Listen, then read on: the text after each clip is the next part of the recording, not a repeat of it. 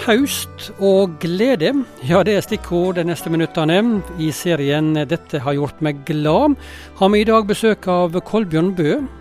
Han er regionleder i Norsk Luthersk Misjonssamband region Sør-Vest. Og du eh, gleder deg eh, over høsten 2020. Hva er det du gleder deg over da? Ja, Det er vel helst høsten 2021 jeg gleder meg over akkurat ja, nå, da. Høsten 2021, ja. Ja. ja.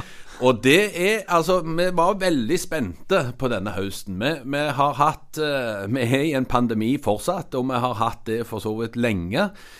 Og vi hadde en, en vår som var mest nedstengt, mer og mindre hele våren. Og så skulle vi da gå inn i en høst der det igjen var et håp om optimisme og, og, og bedre tider. Og og det som vi da erfarte med rundt omkring i, i, våre forsamlinger og på våre bedehus og på leirene våre og i alle sammenhenger, så var det en begeistring, det var en glede over igjen å kunne samles igjen og kunne samle folk til leir. Og vi så ventelistene kom på leirene våre. Og jeg fikk være med på en leir sjøl og se den gleden over det som uh, som de fikk oppleve på leir, eh, barn, og, og vært med på mange møter rundt omkring. Eh, det syns jeg er virkelig kjekt. Noe å glede seg over, altså. Dere driver kristent misjonsarbeid, og hva betyr det å treffes eh, fysisk i, i, i et sånt fellesskap? Altså Fellesskap Jeg tror mange har erfart det. Eh, om det er et kristent fellesskap eller et, et, felles, et, fellesskap som ikke har et sånt eh, formål så, så erfarer vi det at fellesskap med andre, det er nødvendig.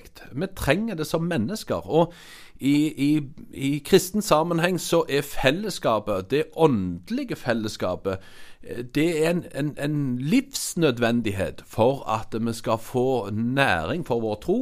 Og, og, kjenne på det å hjelpe hverandre i et sånt fellesskap. Så det er veldig viktig. Men nå er det Pandemien er ikke over.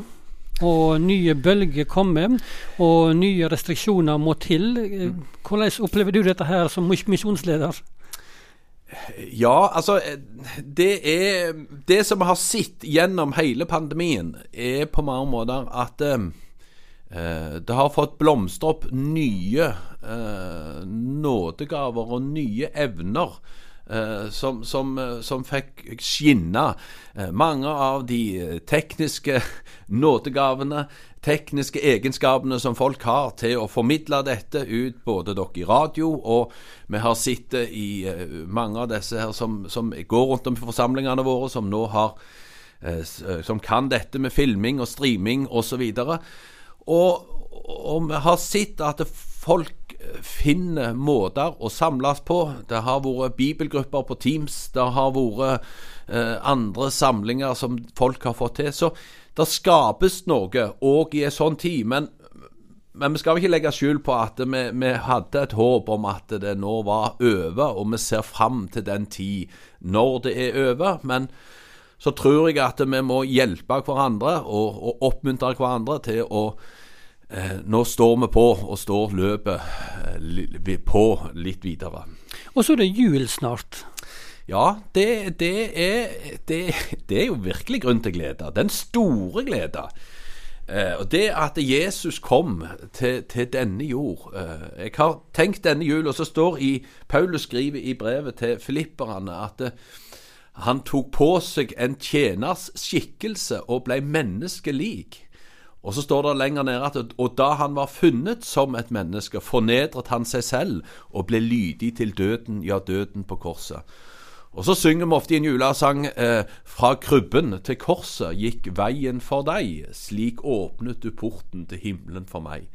Så er julens store gledets budskap det er, det er, det er virkelig gro, ro, eh, grunn til å rope både halleluja og glede seg. Så er det klart, jul er òg eh, ei familietid der vi samles.